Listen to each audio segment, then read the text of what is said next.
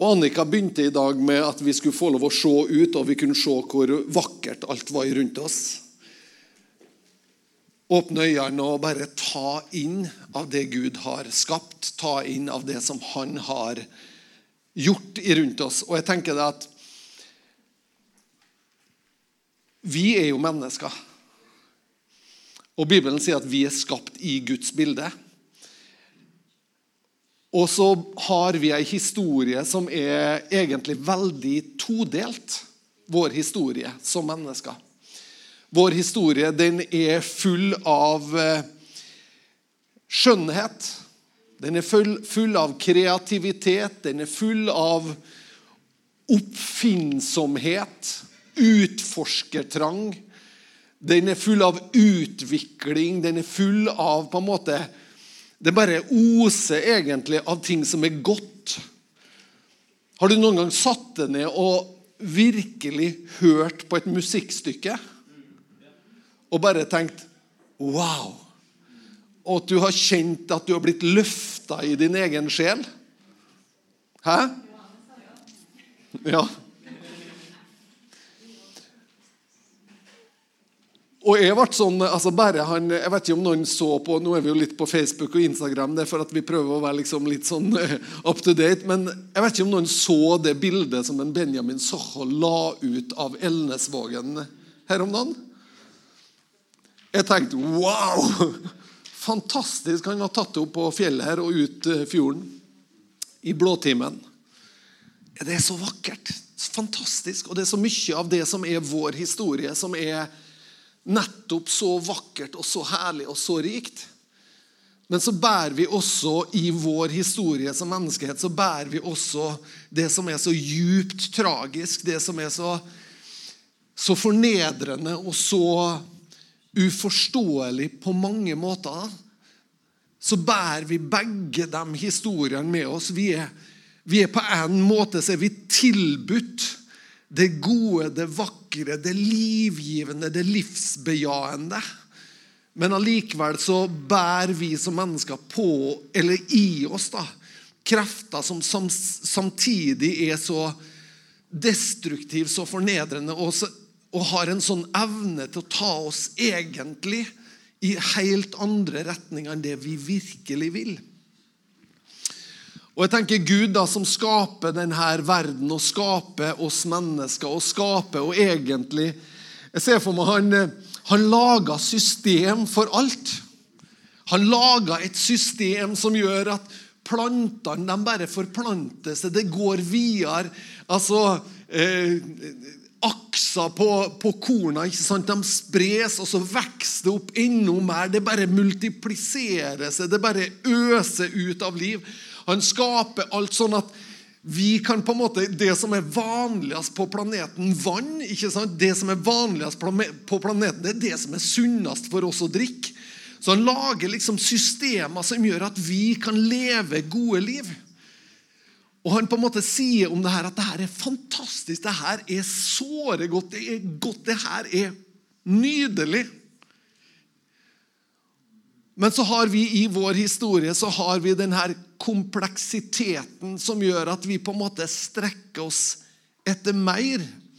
Der vi sier til oss sjøl at vet du, vi trenger litt mer. Vi trenger på en måte Vi er ikke tilfreds med det vi har, så vi vil ha mer makt. Vi vil ha mer av det som på en måte kanskje ikke i utgangspunktet tilhørte oss. Så vi lar oss friste egentlig ut ifra at vi er vi har det fantastisk godt. Men allikevel så er det noe i vår sjel som ønsker mer enn det som er fantastisk godt. Jeg har hørt en sang en gang som, eh, som er, en framstilling av det som skjedde når Adam og Eva falt for fristelsen. Så har jeg hørt en, fram, en sang som framstiller sånn, der Eva sier Hvorfor trengte jeg mer når alt var fullkomment? Hvorfor lengta jeg fremdeles etter mer? Hvorfor kunne jeg ikke bare ha dansa rundt en gang til og nytt av det livet som jeg faktisk hadde? Og så tenker jeg på det som står om Jesus. da. For når vi ser ut i dag, så tenker vi i hvert fall er sånn at jeg tenker wow. Jeg har 50 minutter å kjøre på vei til Fræna. Og jeg kan bare anbefale den turen altså når du kommer ifra Stor, over Storlandet mot Eide. Og du ser Gjendamsfjellet, og det ser ut som det er en gigantisk hoppbakka som, som, går liksom med Nåsfjellet, for da får du hele silhuetten. Nåsfjellet går rett over Gjendamsfjellet. Og jeg som elsker å stå på ski, jeg ser for meg en baklengs salto. Sant? Det er så vakkert. Og vet du, Når vi ser sånne ting, så tenker vi det her er fantastisk godt. Men allikevel så er det noe som med vår historie som mennesker som gjør at når Jesus kommer til planeten Når på en måte Gudesønnen landa iblant oss, så står det det at han kom inn i mørket. Er ikke det spesielt? Det står at Jesus, når han kommer altså På en måte så ser Gud alt som er godt og alt som er så fantastisk, men samtidig så er det på en måte hovedtonen i forhold til det Gud hadde tenkt. I forhold til det, det som var hans sine intensjoner, var på en måte at vet du, det jeg ser, det er faktisk et mørke som ligger over folkeslagene. Et mørke som ligger over denne planeten. Det er et mørke som ligger der, av grådighet, av begjær, av, av, lengsel etter mer som egentlig ikke var tiltenkt oss. Av frykt, av skam, av fornedrelse. Det ligger et mørke. Så han beskriver det faktisk sånn at han kom med lys inn i mørket. Og vi på mange måter så kan vi være så vant til det mørket at vi ser det ikke lenger som mørke, men vi ser det bare som litt sånn Ja, ja, det var kanskje litt dunkert. Men for han som kommer fra et lys der det ikke fins skygge, så oppleves det som et stort mørke. Og Jesus, Det står om Jesus i Matteusevangeliet, så står det at når han så folkeskarene, så så han, så han at de var som får uten hyrde. De var forkomne, og han fikk inderlig medlidenhet med dem. Men hvordan kan vi da hvordan kan vi da ta imot det faktisk Gud ønsker å gjøre i det her?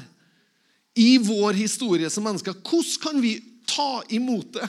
Jeg synes det var fantastisk. La du merke til hva hun, Ester sa? Når mennesker tar imot, så er det som du slår på lyset. Og det er så godt Nå skal du høre hva det står her i Johannesevangeliet. Jeg skal begynne faktisk i Lukasevangeliet først. I det sjuende kapittel Lukasevangeliet. Jeg tar det først. Men fordi at hva er det som skjer når vi mennesker vi, vi på en måte, vi, vi drifter i alle retninger? Og Hør bare Jesus sin opplevelse. Han summerer opp i Lukas 7, vers 32-35 så summerer han opp den sammenligninga bare han opplever som mennesker gjør mellom Johannes døperen og Jesus. Og Da sier han sånn De ligner barn som sitter på torget og roper til hverandre, og de sier Vi spilte på fløyte for dere, men dere ville ikke danse. Vi sang sørgesanger, men dere ville ikke gråte. Altså på en måte, Gud kommer til oss mennesker. Og så er det på en måte litt sånn at vi sier til at ja, men det er ikke riktig det vi vil ha. Ja, Men så kommer han til oss med noe annet, og så sier vi også nei, men det er ikke riktig det heller vi vil ha. Så han prøver å komme til oss, og så på en måte avviser vi litt. Og så sier han for Johannes døperen, han er kommet.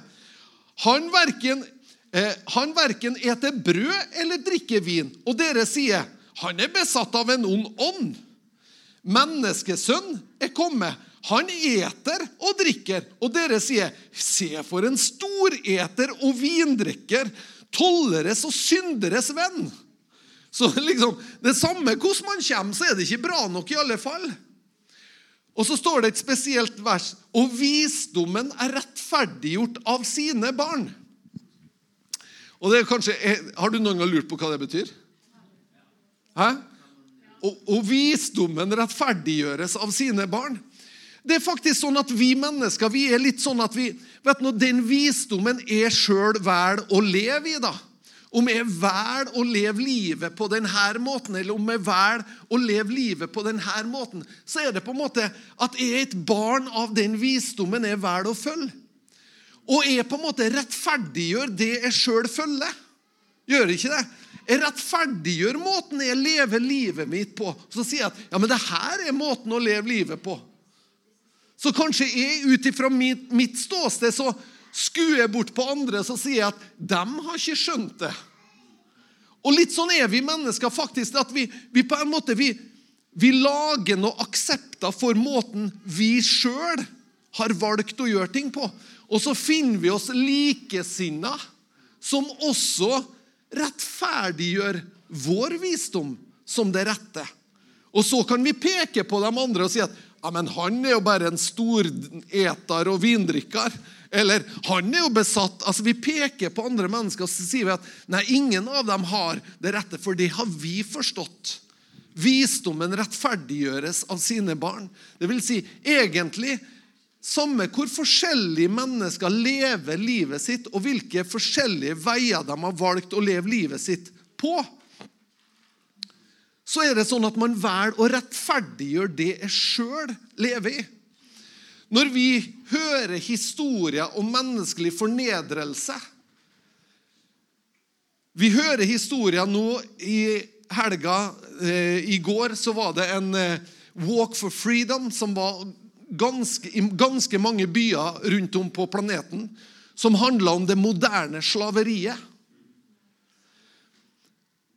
Der det er veldig mye sexhandel, der det er veldig mye at mennesker blir solgt til sexslaveri. Og så tenker vi snille mennesker i, i Fræna Vi tenker at hvordan i all verden er det mulig? Hvordan i all verden kan mennesker fornedre andre mennesker på den måten? Jo, det er nettopp fordi at visdommen rettferdiggjøres av sine barn. At når, man, når vi på en måte som mennesker da, vi går et steg bort ifra Gud. Vi tar et steg bort ifra Gud. Vi lever Det er ikke sånn at vi liksom vi, En dag så liksom levde vi med Gud, og plutselig neste dag så var vi ute i helt på vidda. Nei, vi tok et steg i gangen, faktisk. Som menneskehet så tok vi et steg i gangen. Og så havna vi på vidda etter hvert. Vi havna ut i det faktisk på en sånn måte at vi vi rettferdiggjør det, for nå er vi på en måte litt sånn, ja, nå er vi vant til det. Så da rettferdiggjør vi visdommen. For vi er blitt barn av den visdommen som vi er villige til å rettferdiggjøre. Men allikevel så sier Jesus det her er mørke. Jeg er kommet til mørket. Og jeg ønsker noe i mørket. Jeg ønsker å bringe lys. Og Hvis vi slår opp i Johannesevangeliet, det første kapittelet, og hører og bare la de her ordene tale til deg og Bare tenk, tenk på det sjøl. Tenk på ditt eget liv. Tenk på at han ønsker å komme til det.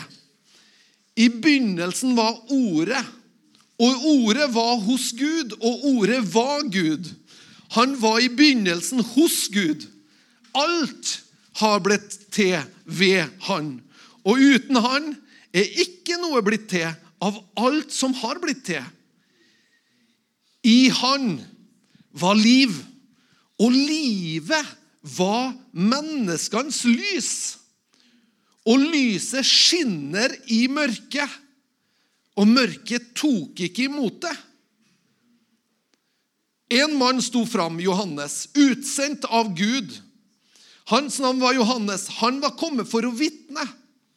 Han skulle vitne om lyset, for at alle skulle komme til tro ved han. Han var ikke lyset, men han skulle vitne om lyset. Det sanne lys som opplyser hvert menneske, var i ferd med å komme til verden. Han var i verden, og verden er blitt til ved han og verden kjente han ikke. Men alle dem som tok imot han, De ga han retten til å bli Guds barn, de som tror på hans navn. De er ikke født av blod eller av kjøds vilje, eller ikke av manns vilje, men av Gud. Og ordet ble kjøtt og tok bolig iblant oss, og vi så hans herlighet, en herlighet som den enbårne sønnen har fra sin far, full av nåde og sannhet. Johannes vitna om en og roper. Det var han, det var om han jeg sa. Han som kommer etter meg, er kommet foran meg, fordi han var før meg. For av hans fylde har vi alle fått nåde over nåde. Gud kommer til vår jord for å bringe lys. Og ikke bare et generelt lys, men han kommer for å opplyse hvert menneske. Og han kommer ikke for å opplyse hvert menneske om hva gale naboen har gjort. Han kommer for å opplyse meg om hvordan jeg kan få lov å leve nærmere hans hjerteslag. Mer oppfylt av hans kjærlighet, hans liv, hans forventninger. Hvordan jeg kan få lov å la hans nåde og sannhet treffe mitt liv.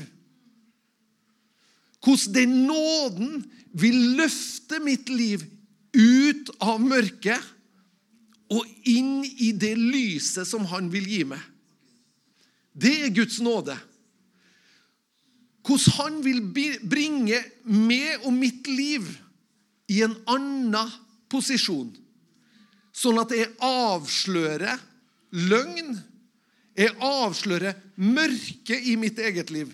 Er det noen som tror at jeg har mørke i mitt eget mitt liv? helt ærlig, nå tror de at jeg har mørke i mitt liv. Annika vet det, men dere andre liksom. Vi bærer alle med oss mørket i vårt eget liv, i vår egen sjel. Vi bærer alle med oss det. Men det som er så fantastisk, det er at når Jesus kommer inn i livet vår, så slår han på lyset. Han slår på lyset sånn at du og jeg ved Guds nåde og sannhet får lov å se det som er mørkt. Og det som også er veldig fint, da, det er at i hvert fall så er det mitt vitnesbyrd. Det at når jeg kom til Jesus for, for 30 år siden, så var det ikke sånn liksom at han slo på flombelysning og belyste hver en krok, sånn at jeg ble mørkeredd. For det kan man jo bli. Men han slo på lyset litt her òg. Ellen, skal vi se inn i denne kroken her? Og så opplever Ja, men her kan vi jo få ordna opp litt. Ikke sant? Og Så ordna vi opp litt der, og så kjenner vi det at Oi, så godt å få ordna opp. da. Så fantastisk å få lov å, få lov å ordne opp. da. Jeg husker vet du, jeg husker, jeg var litt sånn villstyring, men jeg husker at når jeg ble en kristen, så, så ble jeg minnet om at jeg skulle gå og gjøre opp med folk. Ting som har skjedd flere år tidligere. og sånn. Altså, Det var som Den hellige ånd har slått på lampa på innsida. Så jeg opplevde at det var ting som jeg hadde gjort imot andre som ikke var bra. Og som jeg sjøl trengte å ta avstand ifra. Så jeg husker, jeg husker, spesielt en episode jeg kom til han som var rektor på den barne- og ungdomsskolen som jeg, jeg, gikk på når jeg var i den alderen. da. Og det her var liksom ikke så veldig mange år etter. da. Så kom jeg til han og så fortalte han om noe som jeg hadde gjort da, som ikke var så bra. Og, og, men de fant aldri ut at det var jeg som gjorde det, eller hvem som gjorde det. Så jeg kom liksom flere år etterpå og sier at vet du, jeg har lyst til å ordne opp i noe. Og, og, og sånn og sånn. Og han var jo sjokkert. For han hadde jo aldri opplevd det før. At noen har kommet og ordna opp i noe som de har gjort for mange år siden. Men for meg så var det liksom bare at Den hellige ånd visste meg det. Og da kunne jeg ta, ta det lyset som han ga meg da, på det området, så kan jeg si at her kan vi få lov å ordne ut. Og så kommer Guds nåde over oss. Og så er det jo ikke sånn at Jeg tenkte jo at det blir så pinlig å ordne opp med han. Det blir så pinlig. Men saken er at han han ble jo kjempeglad. Og han, jeg fikk jo mer respekt hos han etterpå enn jeg hadde før. Fordi at han ikke hadde opplevd det før. Men Den hellige ånd ønsker å sette lyset på inni livet vår, sånn at du og jeg ikke blir bærere av mørket, men at vi blir bærere av lys. Det ønsker Gud å gjøre i livet vår. Og det er sånn han ønsker å forandre planeten. Det er sånn han ønsker at vi skal få det bedre på jord. Det ved at han får lov å tenne på lyset inni hver enkelt av oss. Og så trenger ikke vi å være redd for han. For noen ganger er det sånn at pga. skam så skjuler vi oss akkurat som Adam og Eva. Det står at de gjemte seg i hagen pga. skammen. For de på en måte trodde at når Gud kommer til meg, så vil han meg ondt. Så vil han skade meg, så vil han frastøte meg, eller så vil han bare dømme meg skyldig. Men så er saken den at når Gud kommer til meg, så ønsker han faktisk å løfte av meg det som tynger meg. Å løfte meg inn i den posisjonen jeg er tiltenkt å være. Løfte meg ut av mørket og sette meg inn i lyset. Det er det Gud gjør med oss mennesker. Og det gjør han gjennom at Jesus har sona. Sona, eller forsona, eller betalt prisen for oss. Og det er liksom, det er liksom ikke alle andre som trenger det, men det er jeg som trenger det. Det er du som trenger det. Det er vi som trenger den nåden som Gud kommer med til oss. Det sanne lys som opplyser hvert menneske. I Johannes 8, vers 12, så sier Jesus Igjen talte Jesus til dem og sa, 'Jeg er verdens lys.' 'Den som følger meg, skal ikke vandre i mørket, men ha livets lys.' Har du noen gang opplevd at du så gjerne har villet noe? Du har så gjerne hatt lyst til å gjøre noe.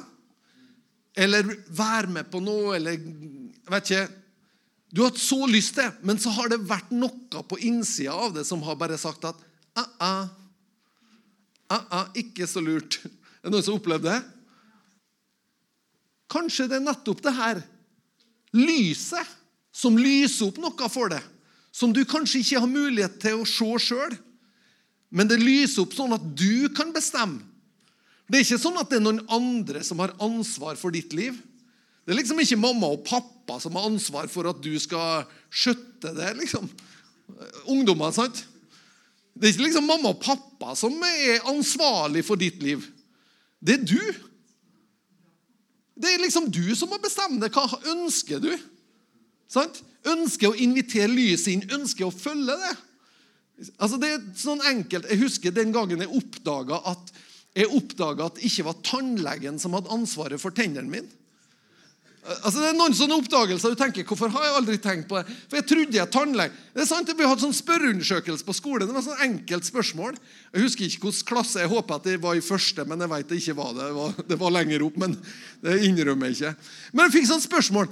Hvem har ansvaret for din tannhygiene? Og så var det tre, tre, muligheter. Eh, jeg, eh, mamma og pappa, tannlegen. Og jeg kryssa tannlegen, for jeg tenkte han er jo ansatt. Han får, han får jo lønn for sånn. Og så liksom gikk vi gjennom svarene, og jeg husker hvor pinlig jeg syns det var. Og ikke har skjønt at ja, men det er nå mitt ansvar. Hæ? Det er mitt ansvar, faktisk. Så jeg liksom Hvor mange svarte tannlegen? Sant? Men noen ganger så trenger vi å gjøre noen sånne oppdagelser at det er faktisk mitt ansvar å la lyset komme inn.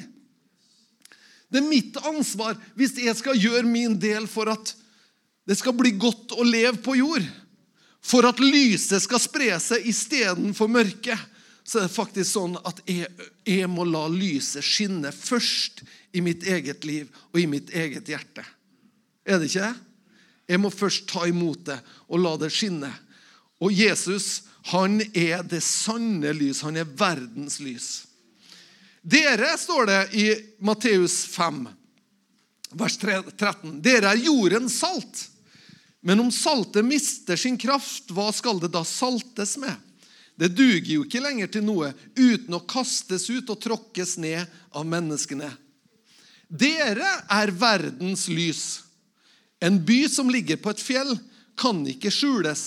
Heller ikke tenner noen et lys og setter det under et kar. Men i lysestaken, da lyser det for alle som er i huset.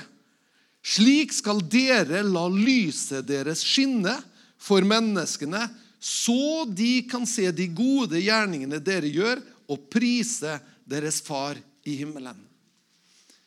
Det her er vårt kall. Det er sjøl å ta imot lyset. La lyset få lov å bre seg ut på innsida av oss.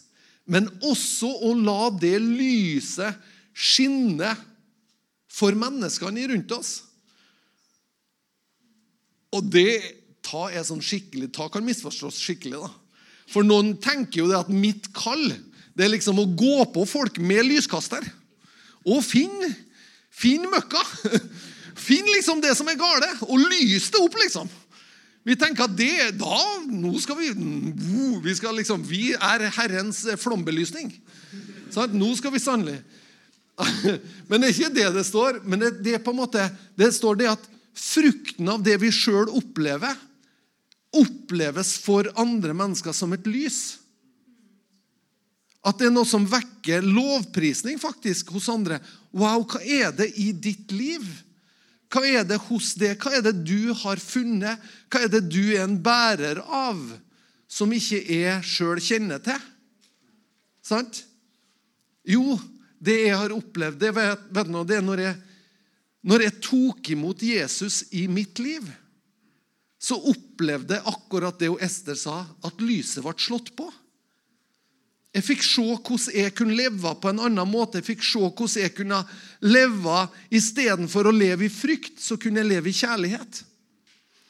I stedet for å leve i utilgivelse, så kunne jeg vende meg fra det og begynne å tilgi. Og sette mennesker fri rundt meg. Sånn kommer lyset til oss. Når vi tar imot. I stedet for at jeg trengte å kave og streve for meg sjøl og albue meg fram, så kunne jeg begynne å ha tro og tillit til at Gud er den som åpner dører for meg. At han er den som åpner mulighetene for meg. Er ikke det bra? Da er vi et lys. Et lys for menneskene. Og vet du noe? Den hellige ånd, det er han som har oppgaver om å overbevise mennesker i deres egne liv om hvordan de kan ta kloke valg og kloke steg. Sant? Det er Den hellige ånd som gjør. Sånn at vår oppgave er på en måte å la lyset skinne. La det være tydelig. Og så vil Den hellige ånd komme inn i dem som inviterer han. Og så vil Den hellige ånd, på samme måte som han gjorde med det og med, så vil han opplyse. Vis vei. Og Den hellige ånd er fantastisk på å ta sånn passe store steg. Sånn at vi kan vokse. Sånn at vi, vi liksom, vår sjel henger med på vandringa. Helbredelse i vår sjel henger med på den vandringa vi er, er på. Amen? Noen ganger så tror jeg altså, Selv om man har gått i kirke i mange mange år, eller om man er helt ny, så er det sånn at vi trenger på en måte å invitere en inn på nytt. Vi trenger å invitere en inn på nytt, sånn at han på nytt kan opplyse oss. Vi kanskje har vært så lenge i det at vi har slutta å tenke på det. At han faktisk fortsatt ønsker å være lyset på innsida av oss. Jeg bare tror, jeg har lyst til å ta bare lita, At vi bare sammen tar en liten bønn til slutt. Og så ber vi nettopp om det, at han kan få lov å komme inn og, og opplyse og berøre oss. Skal vi gjøre det? Mm. Jeg har lyst til å takke deg, Herre Far, for at du skapte alt så fantastisk godt. For at du har gjort alt så vidunderlig for oss og at vi i utgangspunktet kan få lov å nyte av alt det du har skapt. Alt det du har iscenesatt og satt i system for oss, for at vi skal ha mulighet til å leve gode liv. Det takker vi deg for, Herre. Og så ser du våre liv, hvordan vi har en tendens til å Istedenfor å la lyset være det som leder oss, og det som viser oss vei, så lar vi heller det som er mørkt i oss, sette tonen eller sette retninga. Men Herre, vi bare ber om at du skal komme inn på nytt igjen, Herre. Eller at vi på nytt igjen skal få lov å høre din røst. Og at du, Hellige Ånd, skal hjelpe oss. At du, Hellige Ånd, skal opplyse oss. At du skal slå på lyset på innsida av oss. Sånn at vi på nytt kan få lov å være følsomme overfor det du vil. Jesus, det er du som åpna denne muligheten for oss. Og vi ønsker å ta det imot Jesus. Vi ønsker å ta imot den muligheten du gir oss. Når du sa på korset at det er, for, at det er fullbrakt, så sa du det for at vi kunne få lov å få del av ditt lys. Jeg takker deg for det, Herre. I Jesu navn. I Jesu navn.